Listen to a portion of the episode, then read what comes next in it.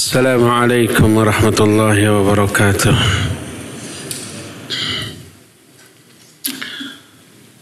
الحمد لله الذي أرسل رسوله بالهدى ودين الحق ليظهره على الدين كله ولو كره المشركون. وأشهد أن لا إله إلا الله وحده لا شريك له. إقرارا به وتوحيدا وأشهد أن محمدا عبده ورسوله صلى الله عليه وعلى آله وأصحابه وسلم تسليما مزيدا وبعد Hadirin Jamaah Masjid Agung Al-Ukhuwah Bandung yang Allah muliakan Para pendengar Radio Roja Cilengsi untuk Jabodetabek dan sekitarnya Roja Palembang, Lampung, Berau, Tanjung Pinang, Pontianak, dan pendengar radio Albayan di Cianjur, pendengar radio Tarbiyah Sunnah Bandung, dan radio-radio yang tergabung dalam grup kajian bersama Radio RIS di Kebumen, Radio 1 di Lombok, Radio Suara Kalbu Jayapura, Radio Amuba di Pangkal Pinang dan Hidayah di Pekanbaru. Juga beberapa stasiun TV yang ikut merilai siaran kita di sore hari ini. Alhamdulillah kita berjumpa dalam kajian bulanan ya khusus khusus akhwat ini. Kok Iwan pada hadir? Uh, dengan membahas buku Waqafat Musorohah lil Mar'atis Solihah. Dan tema yang kita akan uh, usung hari ini adalah wanita tomboy.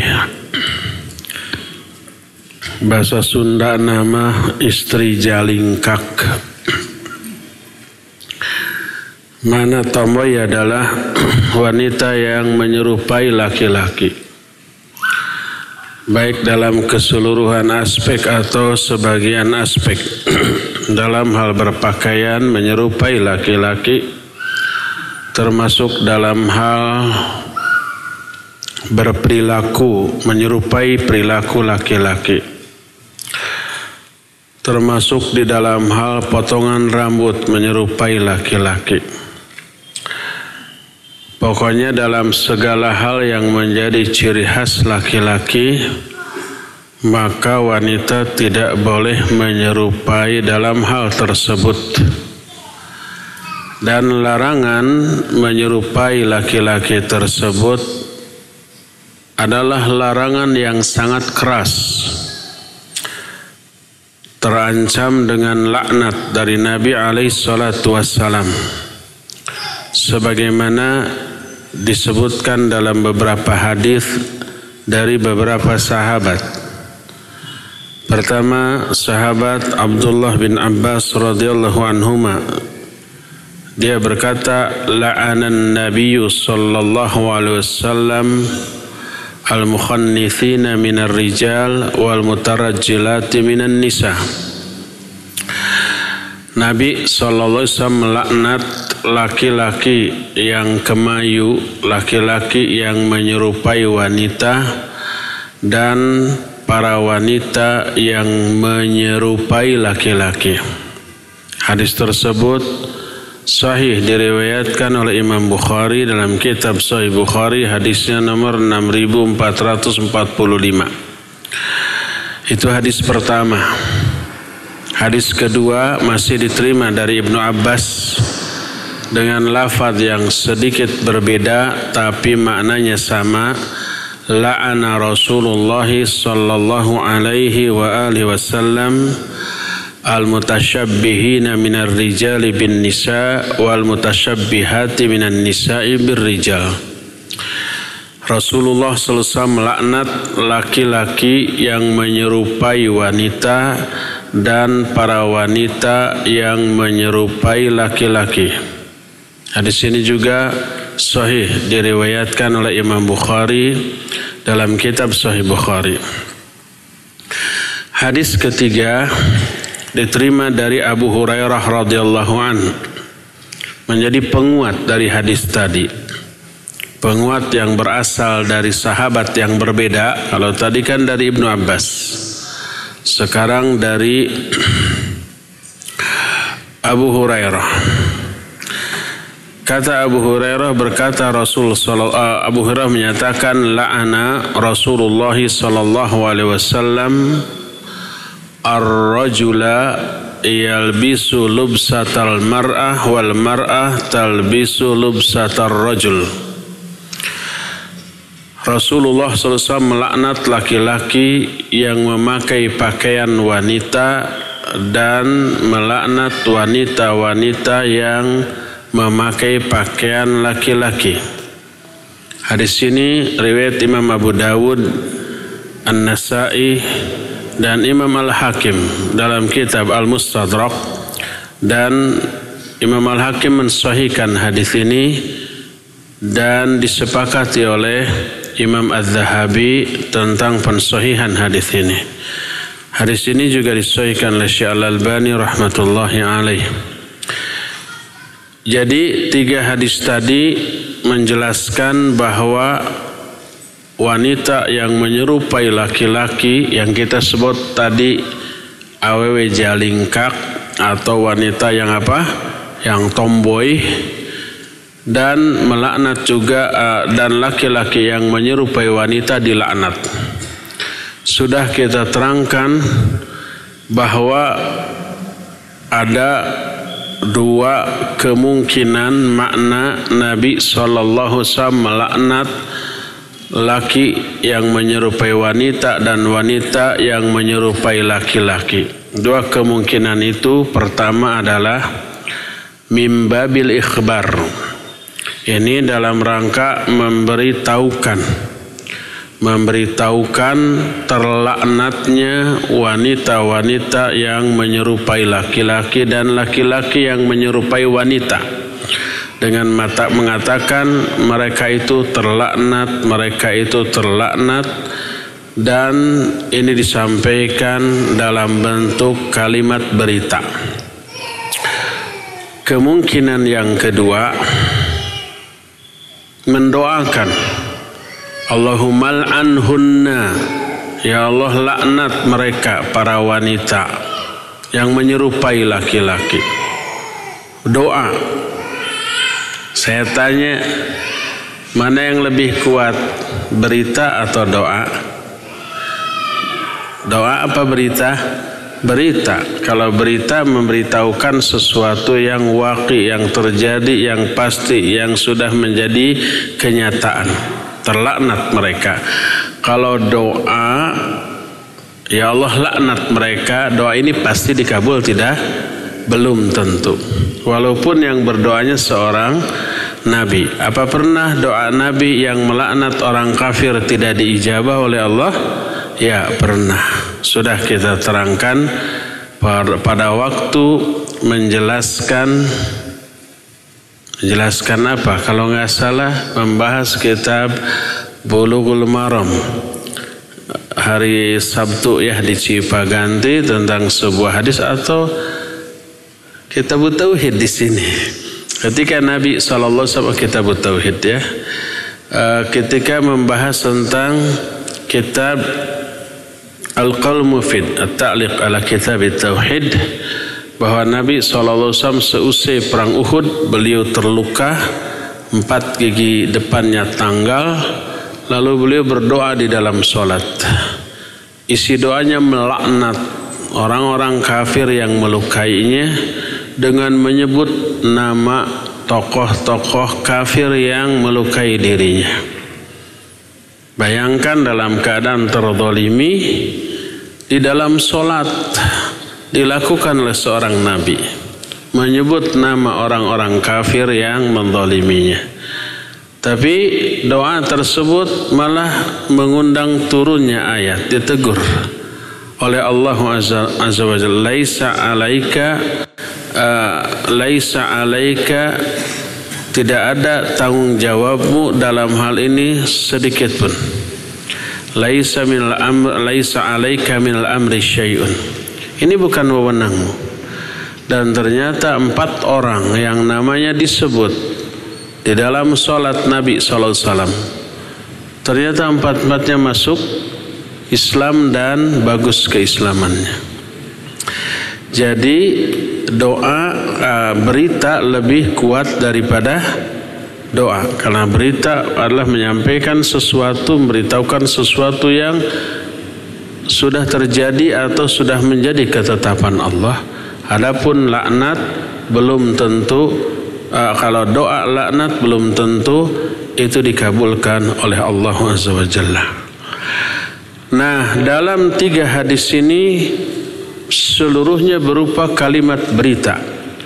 Nabi SAW melaknat, Rasul SAW melaknat, baik wanita yang menyerupai laki-laki ataupun laki-laki yang menyerupai wanita.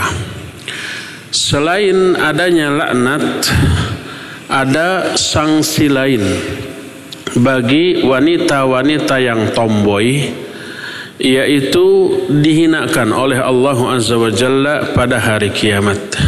Sebagaimana diterangkan dalam hadis yang diriwayatkan oleh Imam An-Nasai juga oleh Imam Ahmad dan Imam Al-Baihaqi.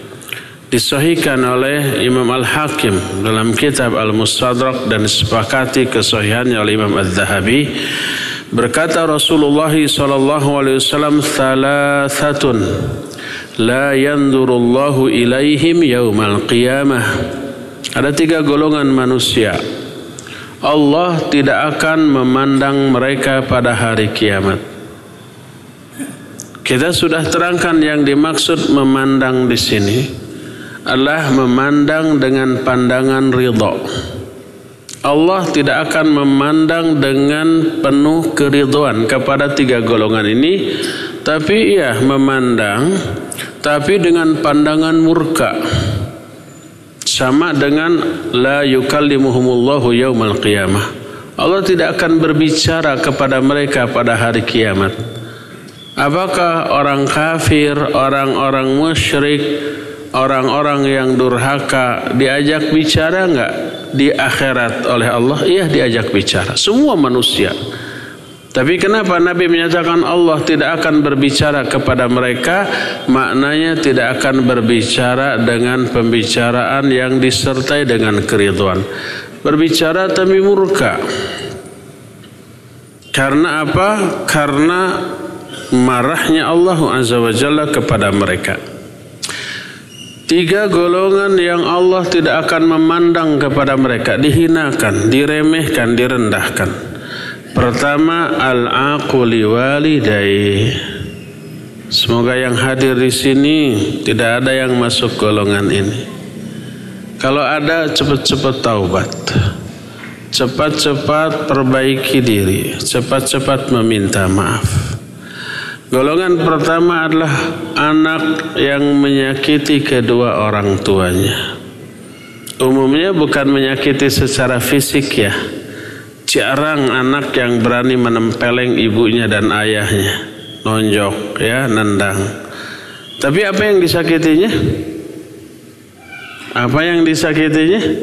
Hatinya perasaannya dengan cara mengabaikan perintahnya.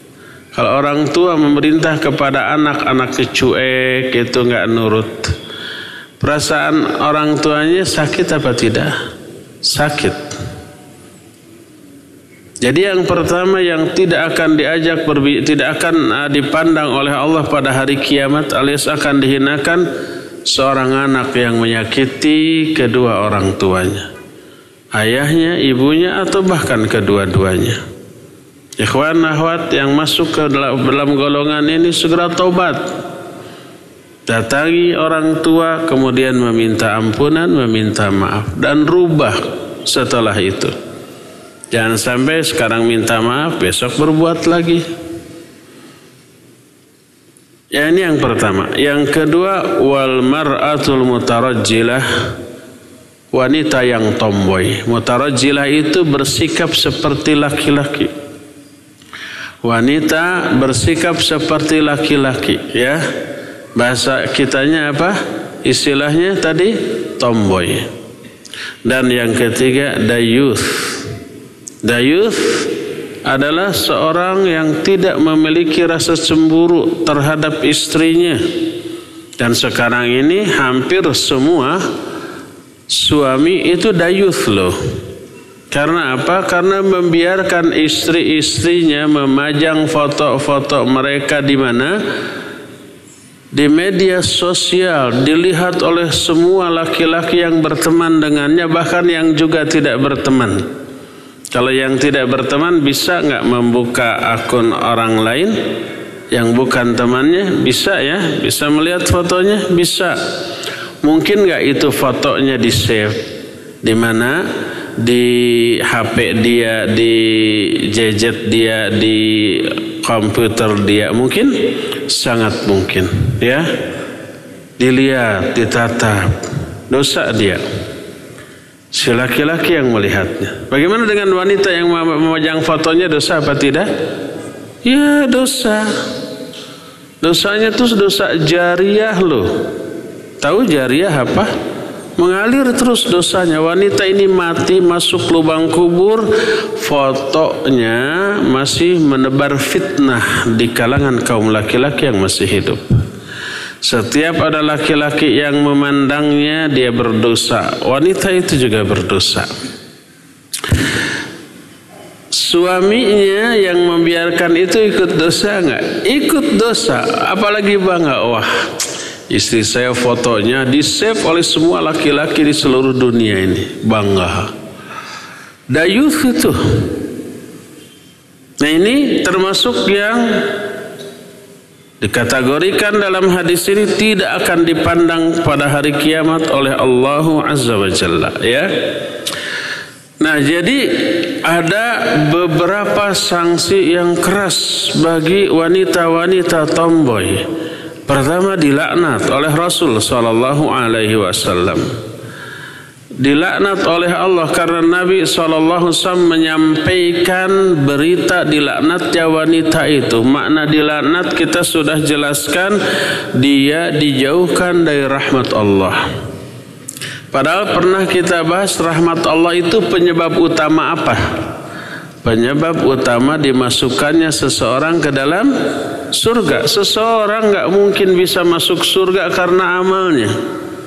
Sehebat apa pun amal yang dilakukan oleh orang itu Gak layak dibalas dengan surga Jangankan dengan surga Amal ibadah yang kita lakukan sehebat apa pun Itu belum cukup membayar nikmat yang Allah berikan kepada kita di dunia ini. Gak sebanding. Oleh karena itulah maka surga yang begitu hebat, dahsyat, keindahannya nggak pernah terlihat oleh mata, nggak pernah terdengar oleh telinga, nggak pernah terhayalkan dalam pikiran manusia. Itu nggak layak surga yang hebat itu dijadikan balasan atas amal baik manusia. Amal baiknya nggak seberapa, surganya luar biasa. Makanya Nabi SAW menyatakan seseorang tidak masuk surga karena amalnya. Terus karena apa tuh? Karena rahmat. Kalau rahmat ini tidak diperoleh mustahil bisa masuk surga tuh. Nah, orang yang dilaknat maknanya orang yang dijauhkan dari rahmat Allah Azza wa. Salah satu penyebab orang itu terlaknat adalah menyerupai lawan jenis Wanita menyerupai laki-laki dan laki-laki juga menyerupai kalangan kaum wanita dalam hal yang menjadi ciri khas lawan jenis tersebut. Baik pakaian, cara jalan, bahasa Sundana rigig, rigig teh. Kalau wanita jagreg kayak laki-laki gitu ya laki-laki berperilaku kemayu gitu ya. Seperti apa? Seperti wanita lemah gemulai. Kemudian kalau kencing jongkok kayak wanita. Dan seterusnya. Maka itu termasuk tasyabuh dengan lawan jenis kita sudah terangkan bahwa kita dilarang tasyabuh dengan empat pihak. Pertama, dilarang bertasyabuh dengan setan, menyerupai kebiasaan setan. Makanya kita dilarang makan minum pakai tangan kiri sebab itulah sunnah syaitaniyah. La tashrabu bishimal fa inna syaitan yashrabu bishimal. Jangan kalian minum pakai tangan kiri karena sesungguhnya setan minum pakai tangan kiri. Kita juga dilarang tidur tengkurap dengan kedua tangan di dada karena itulah tidurnya apa? Tidurnya setan laknatullahi alaih. Ya. Ada juga dilarang duduk seperti duduknya setan. Pokoknya Apa pun yang menjadi ciri khas setan nggak boleh. Dan itu dilarang. Kedua, nggak boleh bertasyabuh dengan binatang di luar sholat atau di dalam sholat.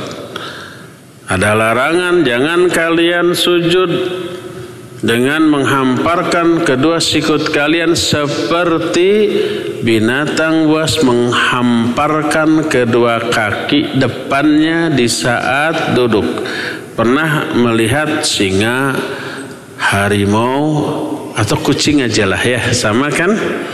Kalau duduk kedua kaki depannya diapakan? Dihamparkan sampai sikut. Nggak boleh seperti itu ketika sujud. Jangan turun sujud seperti turunnya siapa? Unta. Dilarang tasyabuh dengan unta ketika turun sujud. Kita tidak sedang membahas ikhtilaf para ulama apakah sujud itu harus dua lutut dulu atau dua dua kaki dulu. Itu ikhtilaf di kalangan para ulama. Tapi intinya nggak boleh tasyabuh dengan binatang. Dalam solat ataupun di luar solat. Ya. Nah, itu yang kedua.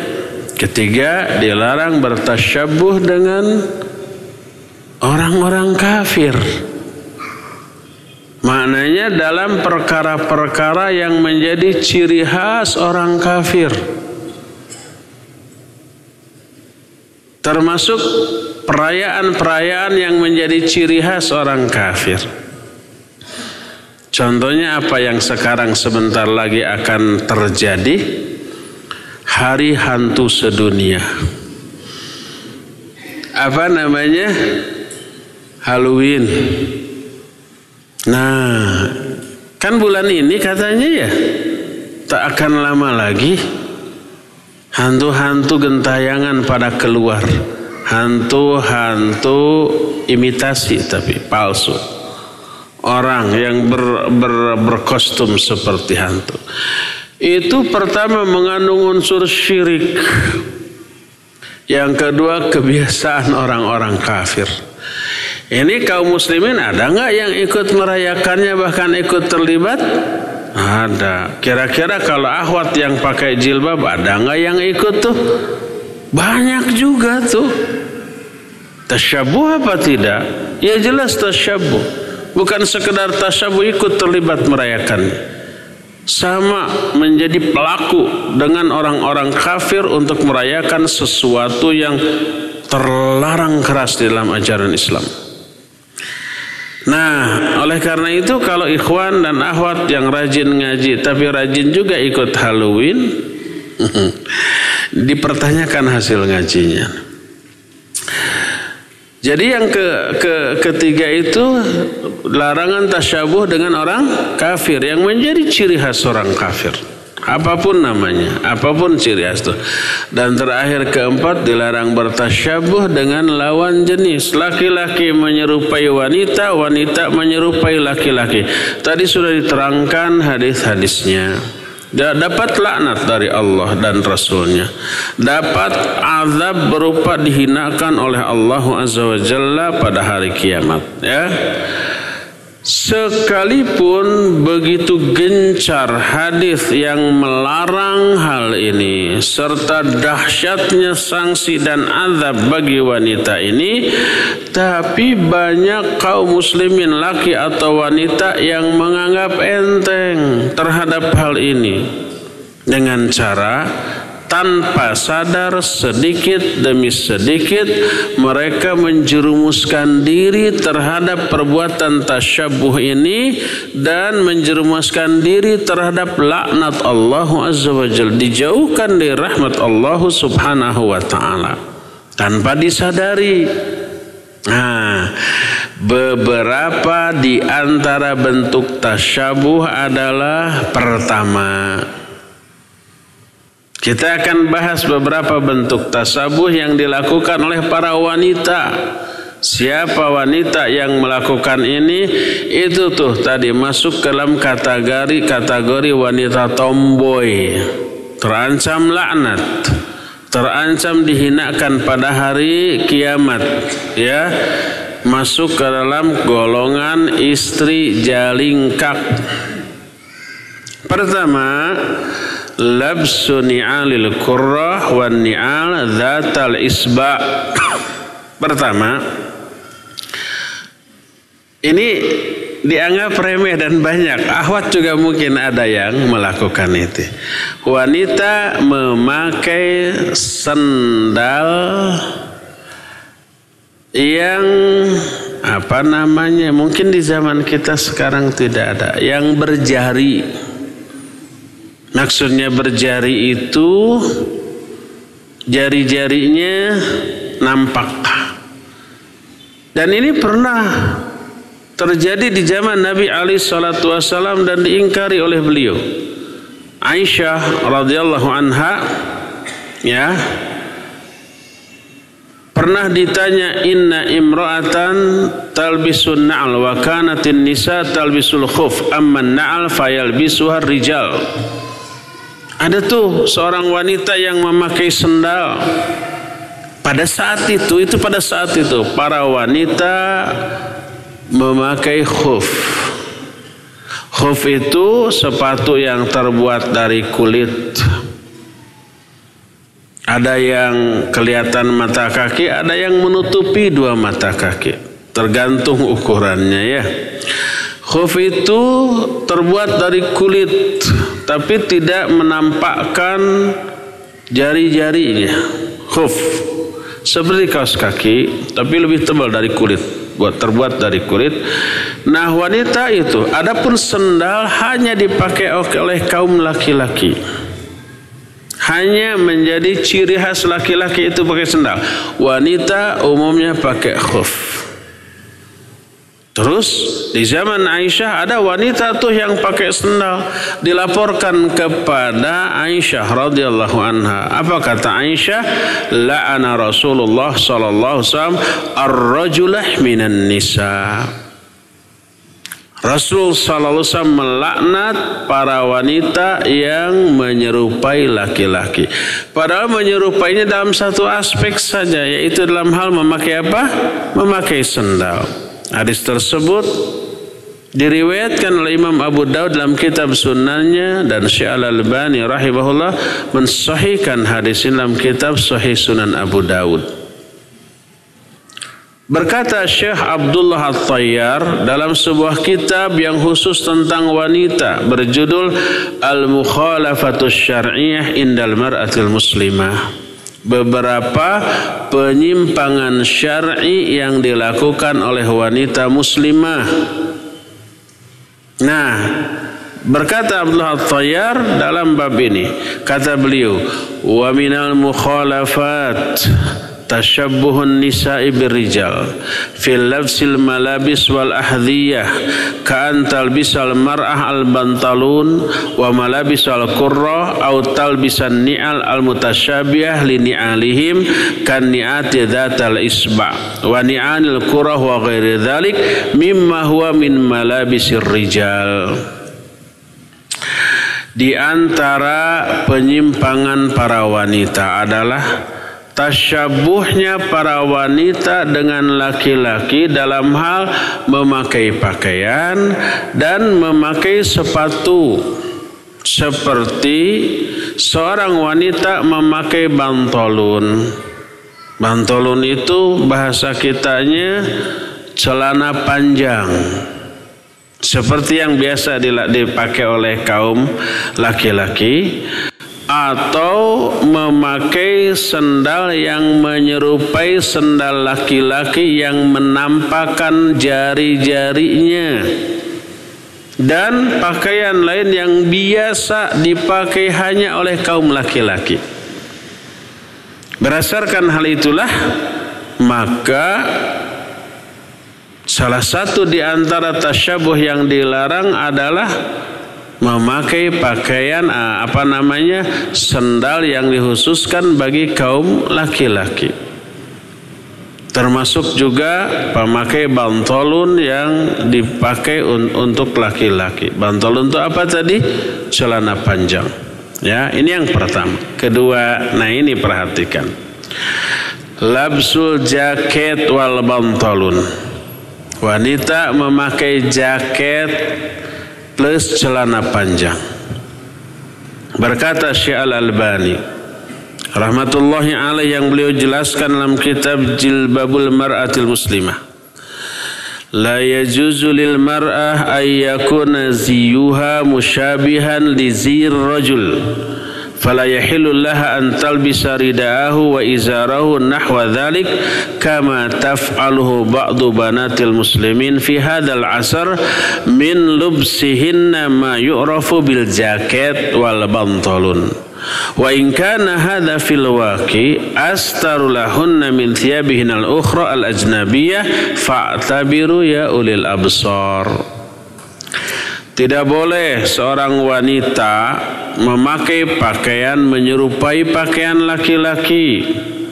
Tidak halal bagi wanita memakai rida atau selendang atau izar izar itu sarung seperti yang banyak dilakukan oleh pemuda-pemuda muslimin eh, eh, pemudi-pemudi muslimat di zaman sekarang dengan cara memakai pakaian yang disebut dengan sebutan jaket dan bantolun. Walaupun jaket dan bantolun itu lebih menutupi seluruh tubuhnya dibanding wanita-wanita lain di sekelilingnya. Di sekeliling nama terbuka, tapi dia memakai kerudung, tapi memakai jaket dan memakai celana panjang ke ke ke ke, ke bawahnya.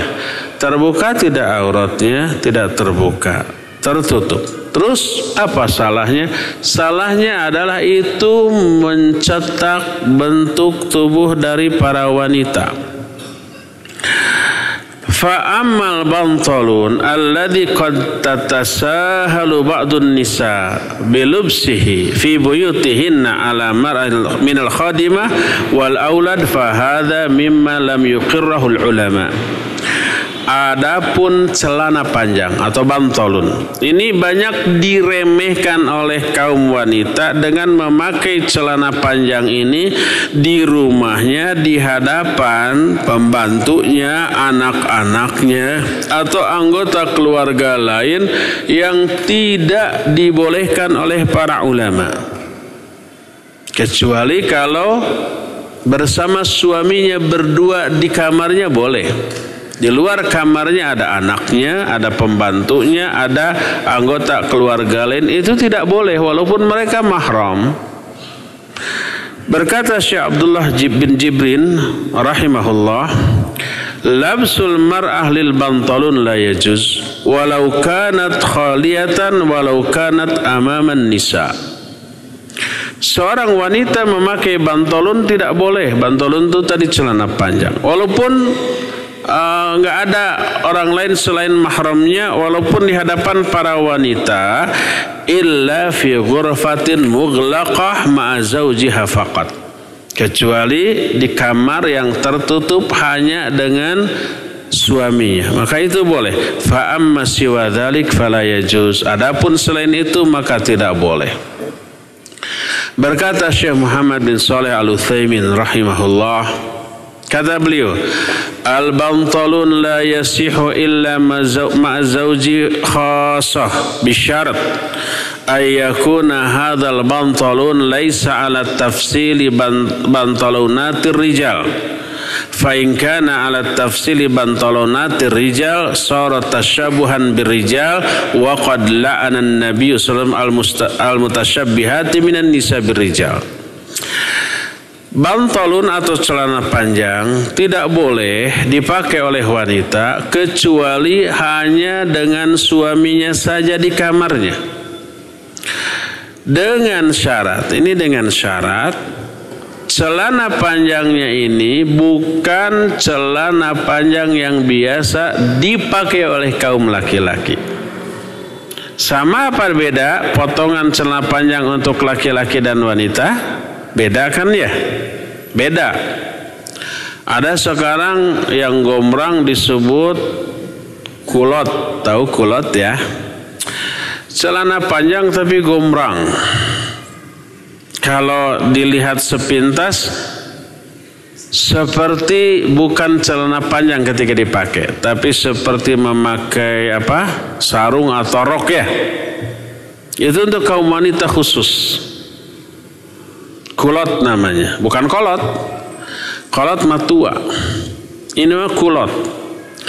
Nah, itu. Jadi celana panjangnya dibuat khusus potongannya untuk kaum wanita bukan celana panjang yang biasa dipakai oleh oleh kaum laki-laki ya kalau memakai celana panjang yang biasa dipakai oleh kaum laki-laki maka menjadi tasyabuh dengan laki-laki maka dilaknat jadi kalau seorang wanita keluar dengan memakai celana panjang kalau celana panjangnya celana panjang khusus untuk wanita, bukan untuk laki-laki, maka dosanya hanya satu. Yaitu apa? Dia memperlihatkan bentuk tubuh. Auratnya terbuka apa tidak dengan memakai celana panjang? Tidak terbuka, tertutup. Apa yang terlihat? Bentuk tubuhnya yang mencetak. Ya dosanya itu. Tapi dia tidak terkena dosa tasyabuh karena tidak menyerupai kaum laki-laki. Adapun kalau kaum wanita, seorang wanita memakai celana panjang khusus untuk laki-laki. Keluar dia maka dosanya double dua. Pertama karena mencetak bentuk tubuh, kedua dosa karena apa?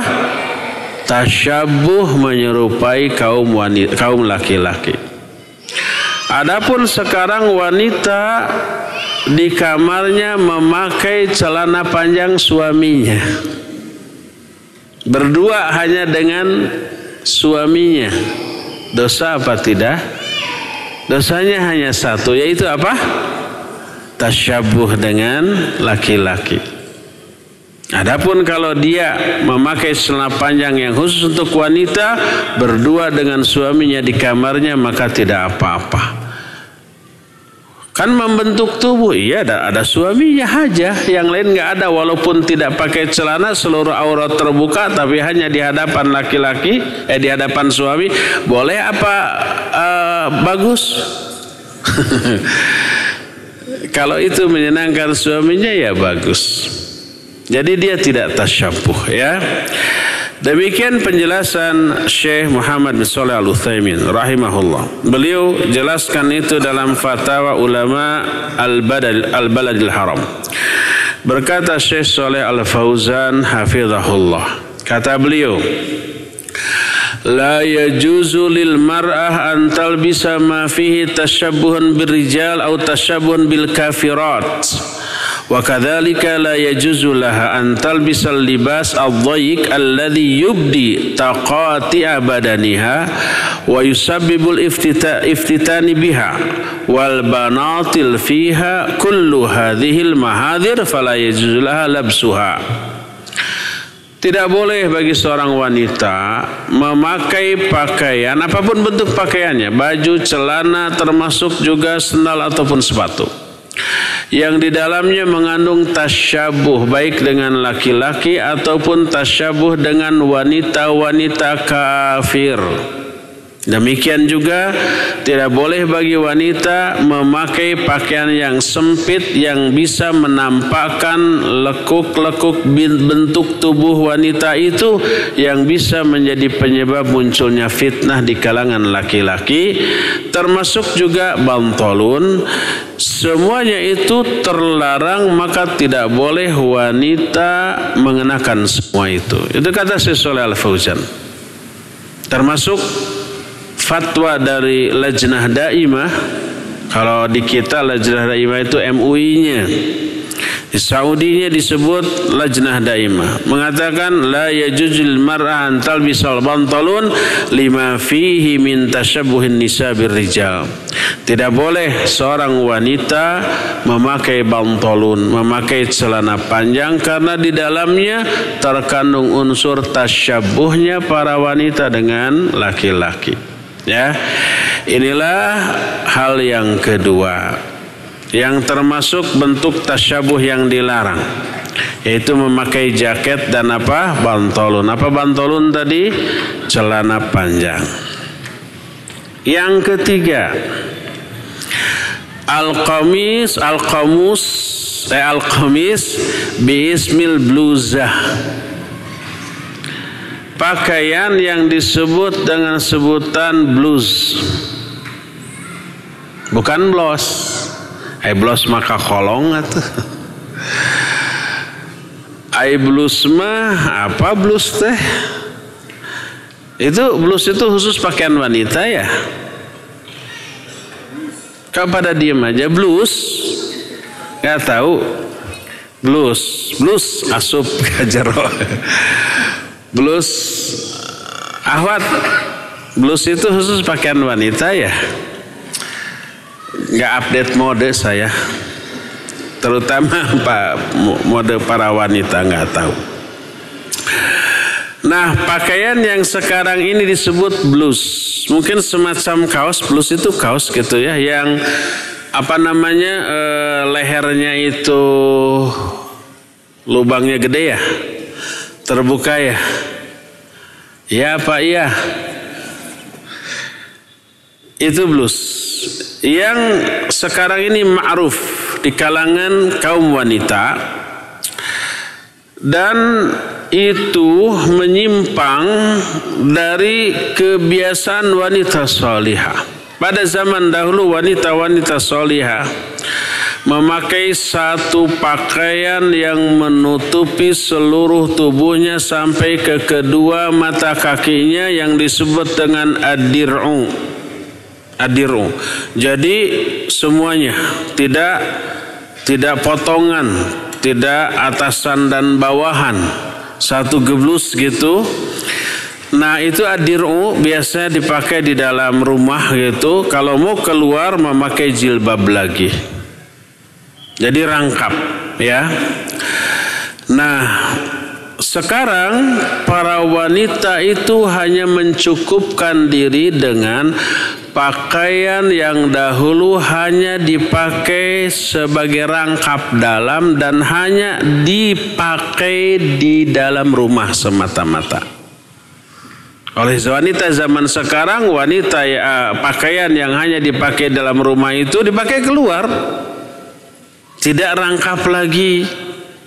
Nah, oleh karena itu maka itu hanya kebiasaan wanita muslimat. Adapun wanita-wanita kafirat zaman itu tidak demikian, tidak rangkap. Pakai apa namanya pakaian uh, dalam semata-mata yang menutupi tubuhnya sampai mata kaki mereka keluar. Mereka keluar, hanya memakai pakaian dalamnya saja, ya. Jadi kebiasaan itu tasyabuh dengan wanita-wanita kafirat. Maka ada dua kemungkinan. Kemungkinan pertama bahwa itu luas, itu luas. Tapi walaupun luas karena tidak rangkap, longgar maksud luasnya, tidak rangkap maka pertama itu menyerupai gamis yang dipakai oleh kaum laki-laki.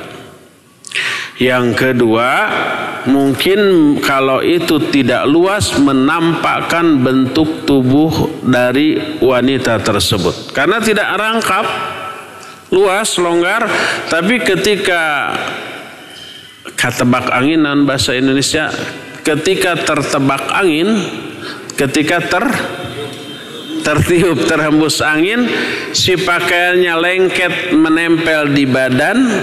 Apa yang terjadi?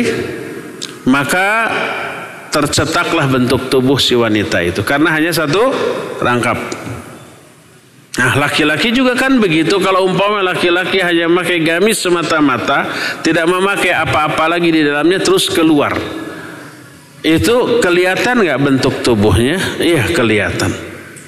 Oleh karena itulah maka ada dua kemungkinan. Pertama menyerupai laki-laki, yang kedua maka akan terlihat bentuk tubuh dari wanita itu maka masuk ke dalam golongan nisaun kasiyatun ariyat mumilat mailat mumilat wanita-wanita yang berpakaian tapi telanjang.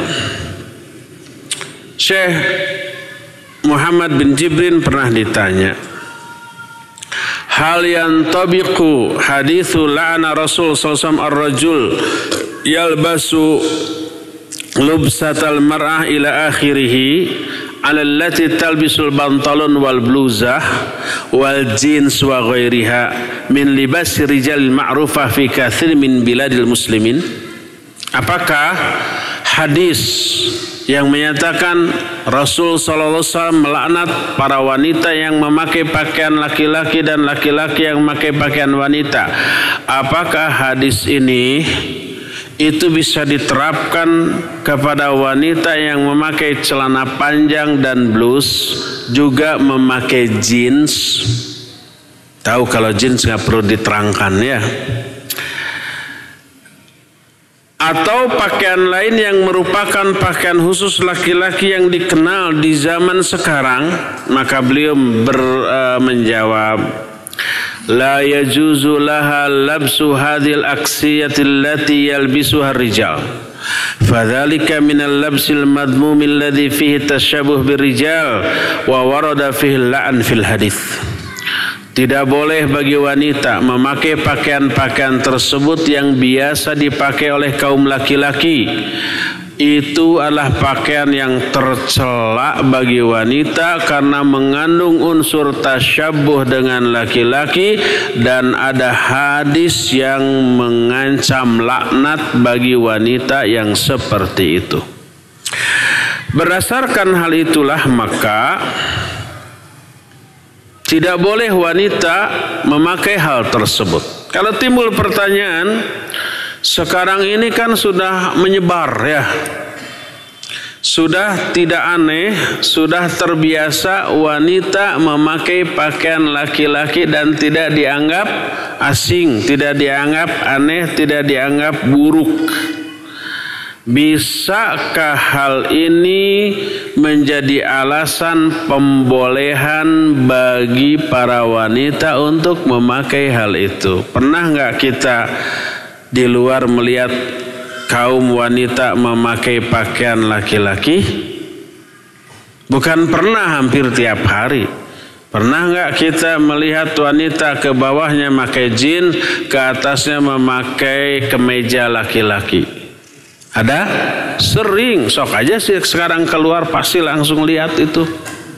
Di setiap tempat, di setiap waktu pasti ada yang seperti itu. Betul apa benar? Betul dan benar. Ya. Jadi sudah terbiasa, orang tidak aneh lagi, orang tidak mengingkari lagi. Apakah terbiasanya hal ini menjadi penyebab ditolelirnya hal itu, dibolehkannya hal itu? Ditanyakan kepada para ulama. Maka oleh para ulama dijawab.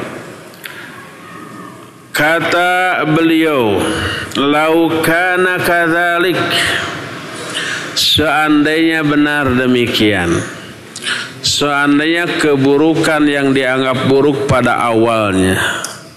Dianggap baik karena banyaknya orang-orang yang melakukannya maka apa faidah dari hadis Nabi sallallahu alaihi wasallam yang menyatakan man sanna fil Islam sunnatan sayyi'atan fa alaihi wizruha wa wizru man amila biha wala yanqusu min auzarihim syai'un. Siapa orang yang menunjukkan satu kesalahan di dalam Islam jadi orang itu menjadi perintis, menjadi pelopor lahirnya sebuah keburukan. Siapa yang menunjukkan satu jalan keburukan, dia memikul dosa atas keburukannya itu, ditambah dengan dosa-dosa orang yang mengikuti keburukan itu tanpa mengurangi orang-orang yang mengikutinya, tanpa mengurangi dosa dari orang-orang yang mengikutinya. Dosa dari orang-orang yang mengikuti keburukannya. Jadi, kalau sebuah keburukan dirintis oleh seseorang, dia dosa atas keburukan yang dia buat. Terus banyak pengikutnya menjadi dominan, menjadi mayoritas. Maka orang yang merintisnya memikul dosa seluruh orang yang mengikuti keburukan itu Sementara para pengikutnya menanggung dosanya masing-masing. Dosanya masing-masing tidak terkurangi. Tapi si perintisnya menanggung seluruh dosa pengikutnya tanpa mengurangi dosa masing-masing pengikut sedikit pun. Nah itu hadis Nabi Wasallam jadi yang terkena dosa siapa? Pertama yang merintisnya, yang mempeloporinya, yang membuatnya pertama kali, yang mencetuskannya pertama kali itu dosa. Seluruh pengikutnya ikut dosa dan dosa-dosa pengikutnya ditimpakan kepada si perintisnya tanpa mengurangi dosa masing-masing pengikutnya sedikit pun. Pengikutnya masing-masing memikul dosa atas perbuatan buruk yang dia lakukan tapi si perintisnya memikul seluruh dosa ya Nah itu hadis. Oleh karena itulah maka sebuah keburukan yang sudah menyebar dilakukan oleh mayoritas manusia tidak berubah menjadi apa? Menjadi baik, menjadi boleh, tetap saja buruk. Tetap saja dosa melakukannya dan si perintisnya memikul dosa seluruhnya. Itu pertama. Dan hadis tersebut sahih diriwayatkan oleh Imam Muslim dalam kitab Sahih Muslim. Hadis kedua. Nabi sallallahu alaihi wa alihi wasallam bersabda, "Taraktu fikum 'alal baydha'i." Dalam riwayat lain, "'alal mahajjatil baydha'i." Lailiha kanahariha la yazighu anha illa halik Kata Nabi Shallallahu Alaihi Wasallam, aku tinggalkan kalian di atas jalan hidup yang terang benderang, yang gamblang, yang jelas. Saking jelasnya lailiha kanahariha, malamnya itu ibarat siangnya. Malam yang gelap gelita pun terang benderang kelihatan jelas. Ini gambaran dari gamblangnya jelasnya ajaran Islam. Nyata benar-benar ya. Lalu kata Nabi SAW, La yazigu anha illa halik. Tak akan ada yang menyimpang dari jalan yang lurus ini kecuali orang itu akan binasa. Oleh karena itu kalau Syariat ini melarang sesuatu dengan larangan yang jelas dan gamblang.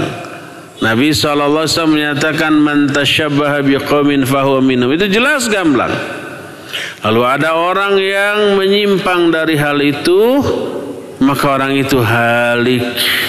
Halik bahasa Arab bukan halik bahasa Sunda. Halik kan itu bukan. Apa makna halik? Binasa dia. La yazigu anha illa halik. Tidak ada yang menyimpang dari aturan yang gamblang yang jelas ini kecuali dia itu pasti akan binasa. Oleh karena itulah maka sebuah keburukan yang kemudian diikuti oleh banyak orang maka tidak menjadikan keburukan itu menjadi dianggap lumrah, wajar, baik enggak. Kalau sudah merajalela tinggal tunggu murka dan azab Allah Azza wa Jalla. Itu penyebab turunnya murka dan azab Allah kepada satu kaum kalau kemungkaran sudah dianggap biasa merajalela tak ada seorang pun yang mengingkarinya tinggal menunggu turunnya azab Allah azza wa jalla baik bencana alam apa pun bentuknya seperti yang teralami oleh kaum-kaum zaman bahula mula. Itu sudah merajalelanya keburukan atau kemungkaran tak ada seorang pun yang berani mengingkarinya. Tahu itu mungkar tuh.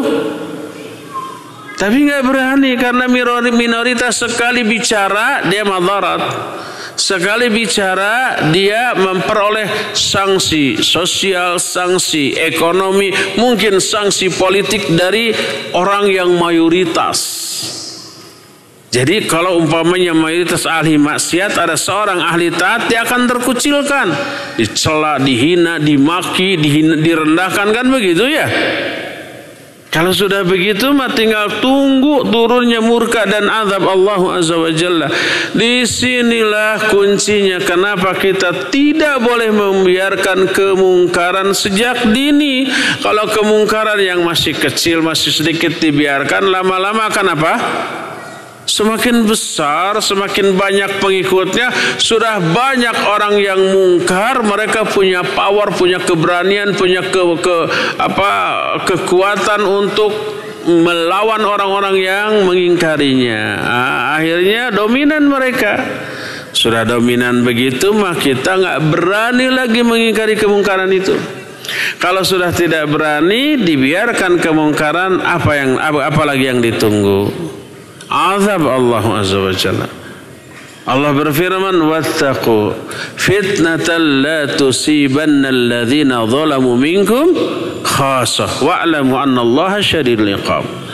Takutlah kamu kepada azab yang tidak khusus menimpa orang-orang zolim di antara kalian saja. Jadi kalau azab Allah itu turun, orang soleh yang ada di sana pun bakal kena. Wa'lamu anna Allah syadidul iqab. Ketahuilah bahwa Allah itu mandahsyat siksanya.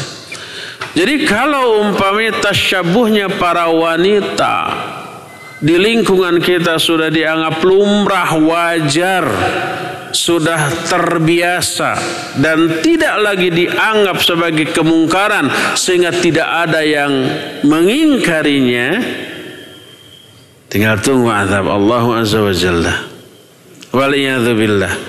Nah sekarang ini wanita-wanita yang membuka auratnya di hadapan umum sudah dianggap biasa atau sudah dianggap lumrah?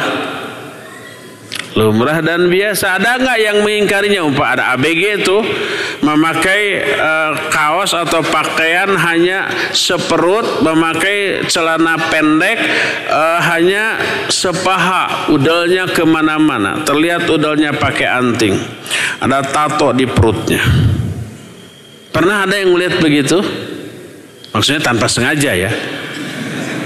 Bukan dulu itu ditata terus tanpa sengaja. Karena memang terlihat.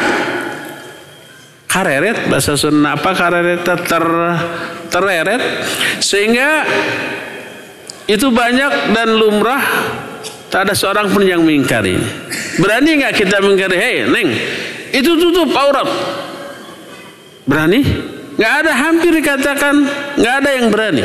Ya? Nah, paling-paling kalau ada yang berani jawabnya, udal-udal saya. Udah udal kamu aja tutup paling begitu.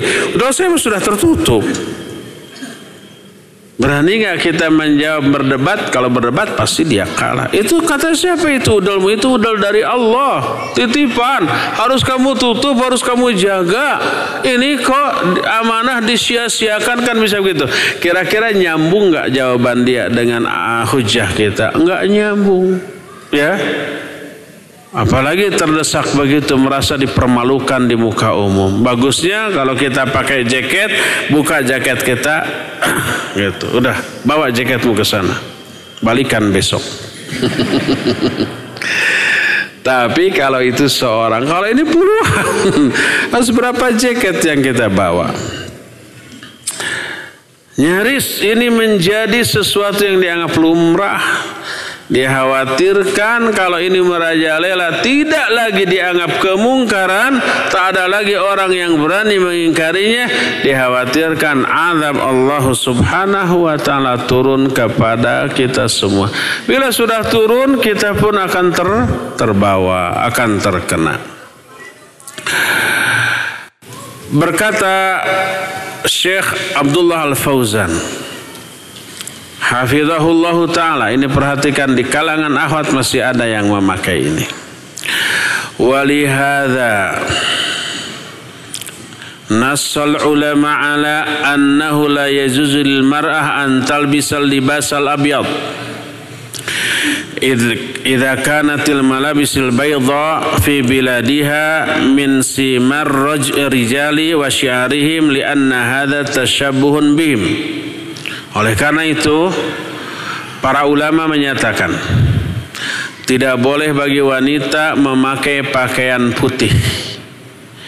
Bila pakaian putih di negerinya merupakan ciri khas pakaian kaum laki-laki dan syiar mereka karena ini termasuk tasyabuh dengan kaum laki-laki. Padahal pakaian khas untuk sholat wanita namanya apa? Namanya apa? Mukena rata-rata warnanya apa? Putih. Karena mereka pakai akal. Apa akalnya? Oh putih ini kan suci kan gitu ya. Tidak memperhatikan pertimbangan syar'i itu tasyabuh dengan laki-laki. Di negeri Saudi atau Timur Tengah, warna putih adalah warna khas kaum laki-laki. Coba lihat gamis-gamis mereka rata-rata semuanya putih. Cuma di Indonesia aja ada yang biru, ada yang hitam gitu ya. Mungkin di kita. Di sana warnanya apa? Putih rata-rata. Ada di sana dijual gamis-gamis panjang tapi warnanya bukan putih itu karena sudah ada pengaruh orang-orang di luar orang Timur Tengah. Tapi orang-orang Timur Tengah sendiri rata-rata pakaiannya putih laki-laki. Karena itulah menjadi ciri khas dan syiar kaum laki-laki. Kalau itu sudah menjadi syiar kaum laki-laki, maka wanita tidak boleh memakai pakaian warna putih. Tapi kalau di negeri itu warna putih bukan menjadi syiar khusus kaum laki-laki, maka tidak termasuk tasyabuh. Berkata Syekhul Islam rahimahullahu taala Kata beliau, "Qad istafadatis sunan anin Nabi sallallahu alaihi wasallam fi sihah bil la'nit mutasyabbihati minan nisa'i birrijal wal mutasyabbihina minar rijali bin nisa'." wadhabit fit tashabbuhin nisa birrijal wal aqs laisa raji'an ila mujarradi ma yakhtaruhu rijal wan nisa wa yastahunahu wa yatadunahu. Innamal aslu fi hadha an tu'lama anna syai anna syari lahu maqsudan. Telah banyak hadis-hadis dari Nabi sallallahu alaihi wasallam dalam kitab-kitab sahih yang isinya melaknat kaum wanita yang menyerupai laki-laki dan laki-laki yang menyerupai wanita. Yang menjadi ukuran tasyabuh laki-laki dan wanita dan sebaliknya tidak kembali kepada selera masing-masing laki-laki ataupun wanita enggak. Tapi apa? Syariat ketetapan syariat membedakan pakaian laki-laki dan wanita ada dua maksud. Apa maksud di, uh, kedua maksud tersebut? Pertama, al farqu bainar rijali wan nisa. untuk membedakan mana laki-laki mana wanita. Kalau umpamanya wanita berpenampilan laki-laki dalam segala hal. Umpamanya rambutnya pendek. Dia memakai celana jeans. Memakai kemeja. Tidak memakai anting apa pun. Orang bisa samar, bisa ragu. Ini ujang apa neng ya? Ujang apa nyai? Mau disebut mas? Takut ini mbak. Mau disebut teteh? Takut ya aa, gitu kan? Atau sebaliknya, laki-laki berpakaian wanita. Karena ini saking biasanya, saking biasanya lah wanita memakai celana jeans kemudian memakai kemeja. Saya sempat mengalami dulu Ketika saya masih suka naik bis kota. Zaman waktu saya ABG. Pernah saya jadi ABG. Ketika naik bis kota, ada seseorang di depan saya tertidur. Memakai celana jeans, memakai kemeja, tapi rambutnya panjang dan dianting. Saya ragu ini laki atau perempuan ya nggak tahu lah bukan urusan saya. Tapi yang menjadi urusan yang membuat saya menjadi memberikan perhatian ketika datang konektur mau nagih. Mbak, mbak, eh, mas, mas, ih ini mbak mas ya. Dia nengok ke saya. Cep, nyebutnya cep ke saya. Ini laki-laki apa perempuan? Saya bilang nggak tahu. Disebut laki-laki. Dia memakai uh, rambutnya panjang dan memakai anting, ya. Disebut wanita memakai jeans dan apa uh, ini dan berotot, agak kekar.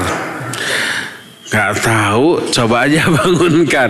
Ya bangun itu mas apa mbak, akang apa teteh gitu ya. Akhirnya diguyah-guyah Digoyah-goyah itu di apa? Dibangunkan. Maaf, maaf, tidak nyebut mbak atau kakak. Ongkosnya, oh ternyata berapa? Ternyata laki-laki dia, gitu ya. Jadi orang pun menjadi apa? Menjadi tidak bisa membedakan laki ataupun wanita. Oleh karena itulah maka Adanya larangan tasyabuh pertama untuk membedakan dengan perbedaan yang jelas antara laki dan wanita. Wathani ihtijabun nisa. Yang kedua terhijabnya aurat para wanita. Dua-duanya itu dalam hal berpakaian harus terlihat secara gamblang.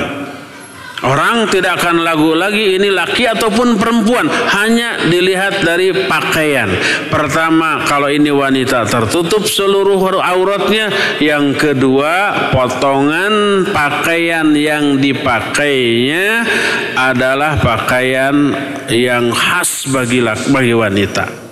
Ya, di kita mungkin tidak terbayang ada uh, wanita, ada laki-laki yang memakai jilbab. Tapi di daerah-daerah Timur Tengah, ya agak susah membedakan umpamanya seorang wanita pekerja keras ototnya itu apa namanya uh, kuat jangkung badag begitu ya badannya tegak tetapi memakai jilbab, memakai kerudung. Wajahnya potongan laki-laki. Itu saudara-saudara kita mungkin dari daerah Afrika sana ya. Potongan wajahnya seperti laki-laki, badannya tegap seperti laki, tapi pakai jilbab dan pakai kerudung. Kadang-kadang pakai cadar. Ini laki atau dan ketika berjalan, cara berjalan seperti laki-laki. Padahal dia wanita, maka pernah ya pernah ada kejadian seseorang wanita di WC wanita di dalam Masjidil Haram lagi musim haji ada ditemukan wanita mati di dalam WC. Setelah diperiksa di otopsi ternyata sebelumnya diperkosa. Ternyata ada laki-laki yang menyamar seperti wanita memakai jilbab, memakai cadar masuk ke sana. Walaupun rigignya kayak laki-laki dan memang laki-laki, tapi banyak wanita yang gaya jalannya seperti laki-laki seperti Tidak dicurigai masuk ke dalam WC, lihat ada wanita yang masuk ke dalam WC, dia ikut masuk, tulakan gitu ya. Tulakannya apa? Di dikunci. Udah dia bebas berbuat di sana. Nah, itu pernah terjadi. Walhasil maksud syariat menetapkan cara berpakaian syar'i untuk dua maksud. Pertama, membedakan antara laki-laki dan wanita, yang kedua untuk menghijab atau menutup aurat para wanita tersebut. Dari sinilah maka orang yang menyerupai lawan jenis terlaknat. Berdasarkan beberapa hadis yang tadi dikemukakan. Hikmah lain, nah ini hikmah lain. Kenapa harus terbedakan antara kebiasaan laki-laki dengan kebiasaan wanita atau pakaian laki-laki dengan pakaian wanita. Karena cara berpakaian mempengaruhi perilaku. Kalau seorang wanita yang mestinya lembut, gemulai, terus dia memakai pakaian laki-laki, Sifat dia, perilaku dia, karakter dia akan menyesuaikan dengan pakaiannya. Dia pun akan tomboy seperti laki-laki. Ngomongnya seperti laki-laki. Kata orang Sunda mah bicaranya juga tegeg. Tegeg itu nggak ada terjemahannya. Kemudian perilakunya juga seperti laki-laki berani seradak seruduk ke sana kemari. Kan begitu. Sebaliknya, laki-laki yang berpakaian menyerupai pakaian wanita atau memakai pakaian wanita, maka tingkah lakunya juga disesuaikan menjadi lembut, lemah, gemulai, kemayu. Kan begitu? Dan ini berpotensi apa? Berpotensi lahirnya penyimpangan seksual.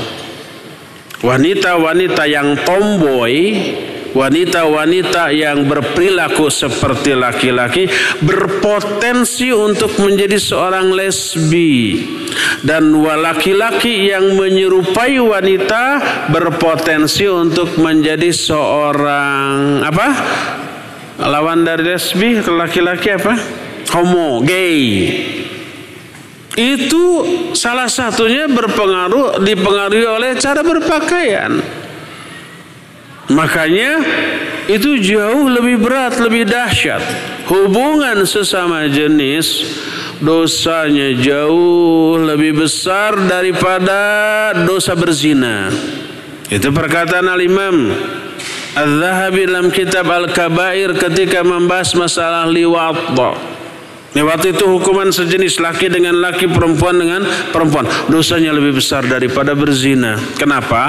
Karena kalau berzina yang dilakukan oleh lawan jenis laki dengan perempuan ada satu cara untuk membuatnya halal. Caranya gimana? Nikah. Jadi halal, jadi bernilai ibadah. Tapi kalau sejenis laki dengan laki dan perempuan dengan perempuan, tak ada cara apa pun yang bisa membuat hubungan itu menjadi halal. Nggak ada. Kawin nggak bisa, nikah nggak bisa. Makanya dosanya jauh lebih besar daripada berzina. Waliyadzubillah. Dan potensi untuk menjadi gay ataupun menjadi lesbi salah satunya berasal dari cara berpenampilan termasuk cara berpakaian. Cara berpakaian mempengaruhi sikap dan perilaku Makanya kalau laki-laki berpakaian seperti wanita, dia cenderung lemah gemulai, kemayu, ke wanita-wanita. Dan wanita yang memakai pakaian laki-laki, dia menjadi tomboy, dia menjadi jalingkak, dia menjadi tegug, dia menjadi seperti laki-laki. ya Dan dikhawatirkan berujung pada penyimpangan seksual yang tadi disebutkan. Ini menjadi lesbi, itu menjadi gay, dan itu lebih berbahaya bahaya lagi ya. Semoga Allah Azza wa Jalla menyelamatkan kita semua dari penyakit-penyakit yang tadi kita terangkan. Cukup sampai di sini saja dan kita masih punya sisa waktu untuk bertanya jawab. Wassalamualaikum ala nabiyina Muhammadin wa ala alihi wa ashabihi wasallam.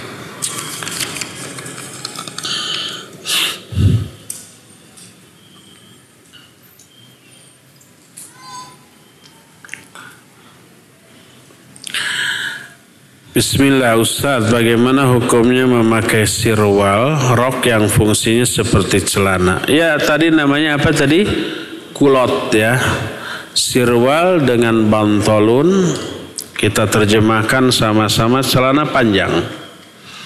Tapi kalau sirwan lebih luas, lebih longgar daripada bantolun. Bantolun tuh yang antum pakai semua ini celana panjang ini bantolun. Kalau sirwan lebih luas lagi, lebih longgar lagi. Ah, kalau itu di wanita namanya kulot. Kalau potongannya khusus dibuat spesial untuk kaum wanita, maka dibolehkan dengan syarat apa? Hanya di hadapan suami semata-mata. Tidak boleh di hadapan selain suaminya walaupun mahramnya. Bagaimana hukumnya pakaian wanita ketika walimah pakai warna putih apakah termasuk tasyabuh? Ya tergantung tadi di negara itu apakah pakaian putih itu menjadi syiar khusus kaum laki-laki atau tidak? Seperti halnya di Timur Tengah. Kalau umpamanya tidak maka boleh. Karena tidak ada unsur tasyabuh tapi kalau iya maka terlarang.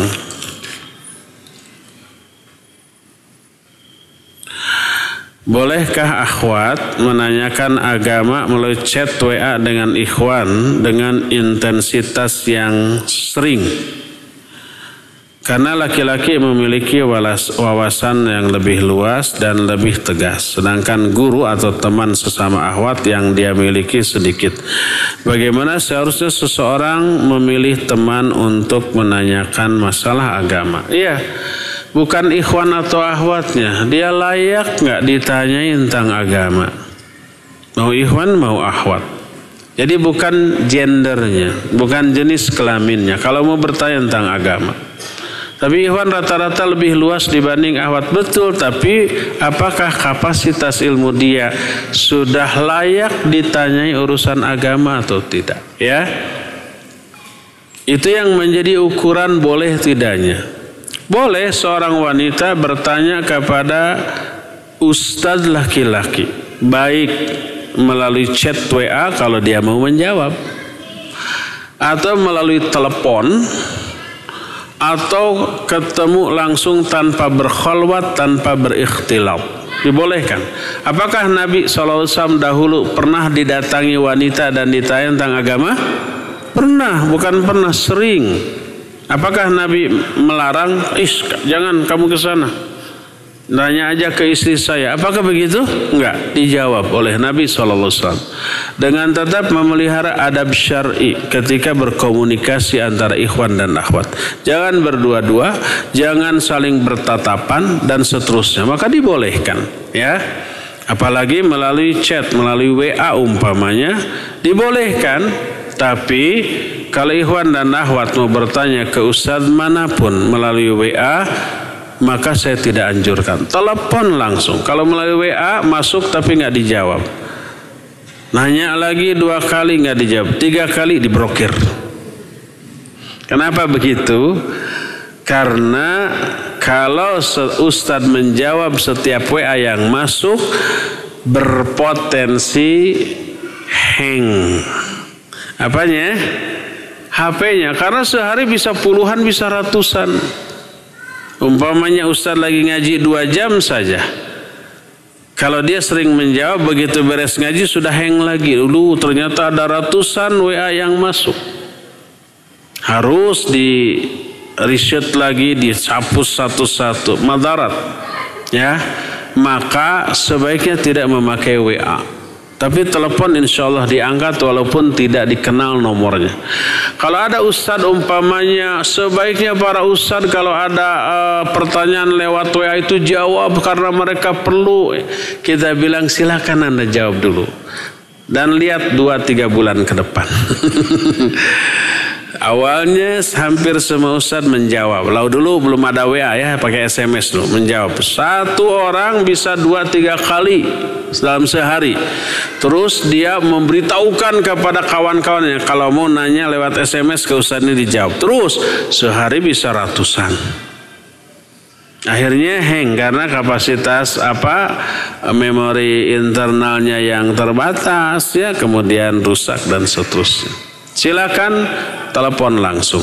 Kalau ada ustadz yang masih menjawab WA, cepat manfaatkan, tanya terus ya. Mumpung masih dijawab, nggak akan lama lagi nanti tidak akan dijawab.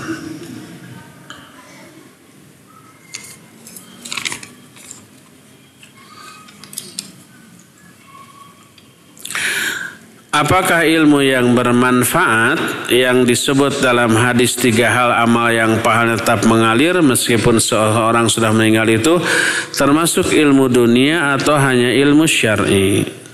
Setiap ilmu yang diterangkan dalam Quran dan Sunnah maknanya ilmu syar'i, bukan ilmu dunia, ya. Nah, sekarang bagaimana tentang ilmu dunia yang bermanfaat? Ilmu dunia yang bermanfaat bagi manusia seperti ilmu kedokteran, manfaat atau tidak? Iya manfaat. Seperti sains dan teknologi, IT umpamanya ya. Itu manfaat atau tidak? Ya manfaat. Maka mempelajarinya bisa fardu kifayah. Tapi nggak sampai fardu ain. Fardu kifayah. Adapun mempelajari agama fardu ain. Bagaimana tata cara wudhu fardu ain. Bagaimana tata cara sholat fardu ain. Bagaimana tata cara manasik haji itu fardu ain bagi yang akan melakukan haji gitu ya. Tapi kalau ilmu-ilmu umum itu kalau dia sangat dibutuhkan oleh umat maka maksimal fardu kifayah. Mempelajarinya berpahala, mengajarkannya berpahala, ya. Tapi kadar pahalanya tidak akan sebesar mempelajari dan mengajarkan ilmu syar'i.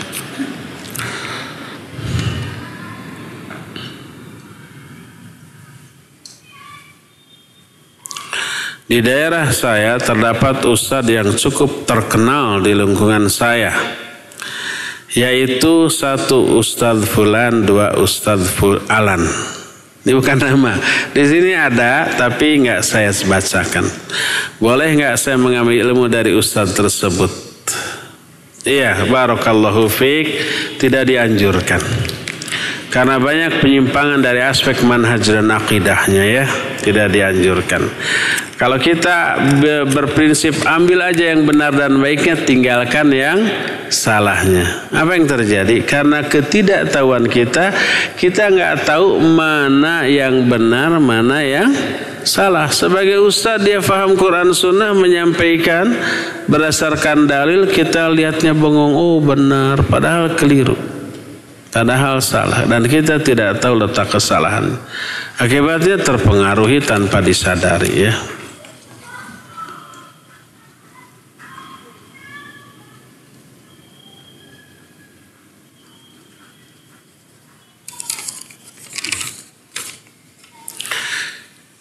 Kalau pakai atasan dan sepanjang lutut disambung rok, apakah boleh? Ini laki apa perempuan? Kalau pakai atasan sepanjang lutut dan disambung rok, apakah boleh? Tergantung. Apakah pertama itu menampakkan bentuk tubuh atau tidak? Kedua transparan atau tidak? Nah kalau umpama tidak menampakkan bentuk tubuh, tidak transparan, boleh. Untuk laki-laki pakai pakaian warna merah apa seluruh jenis warna merah dilarang kalau polos ya, kalau polos. Tidak ada motif apa pun atau garis apa pun. Tapi kalau backgroundnya merah ada garis-garis warna putih atau hitam maka dibolehkan. Atau ada corak lain yang mencampurinya maka dibolehkan.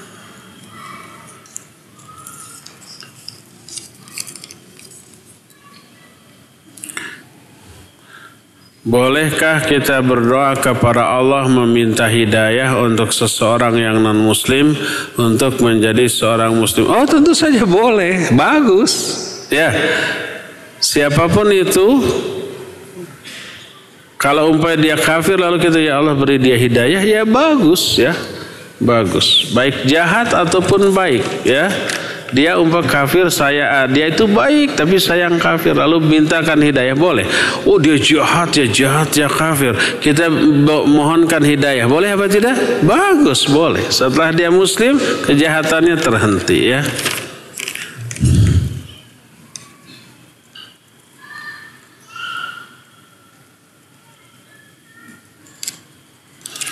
Bagaimana kalau saya seneng pakai ini merek bukannya pakai uh, cairan pengharum badan. Setelah mandi.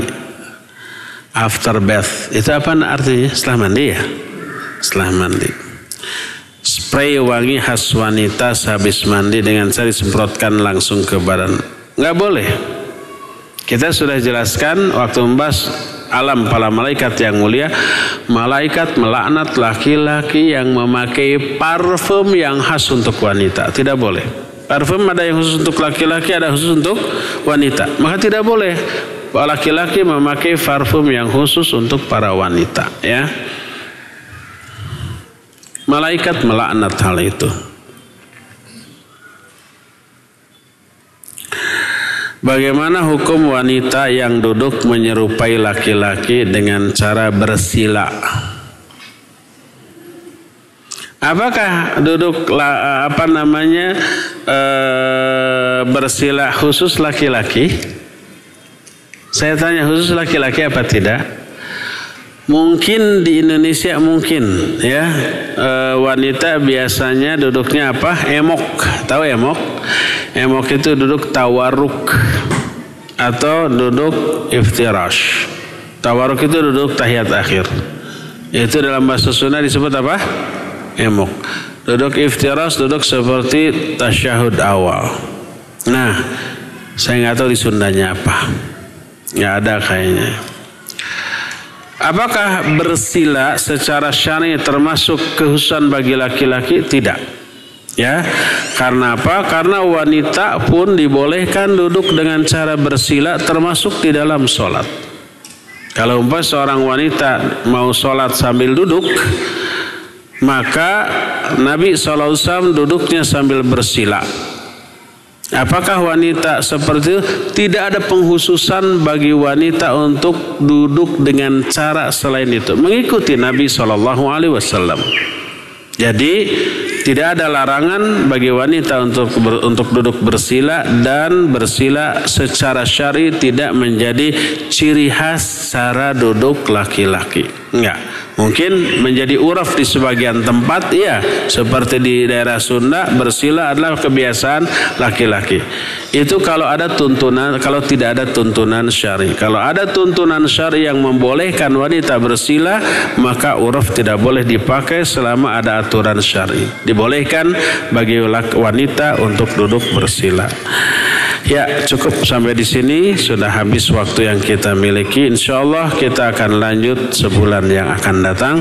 Subhanakallahu bihamdik asyhadu an la ilaha illa ant astaghfiruka wa atubu ilaik. Walhamdulillahirabbil alamin. Wassalamualaikum warahmatullahi wabarakatuh.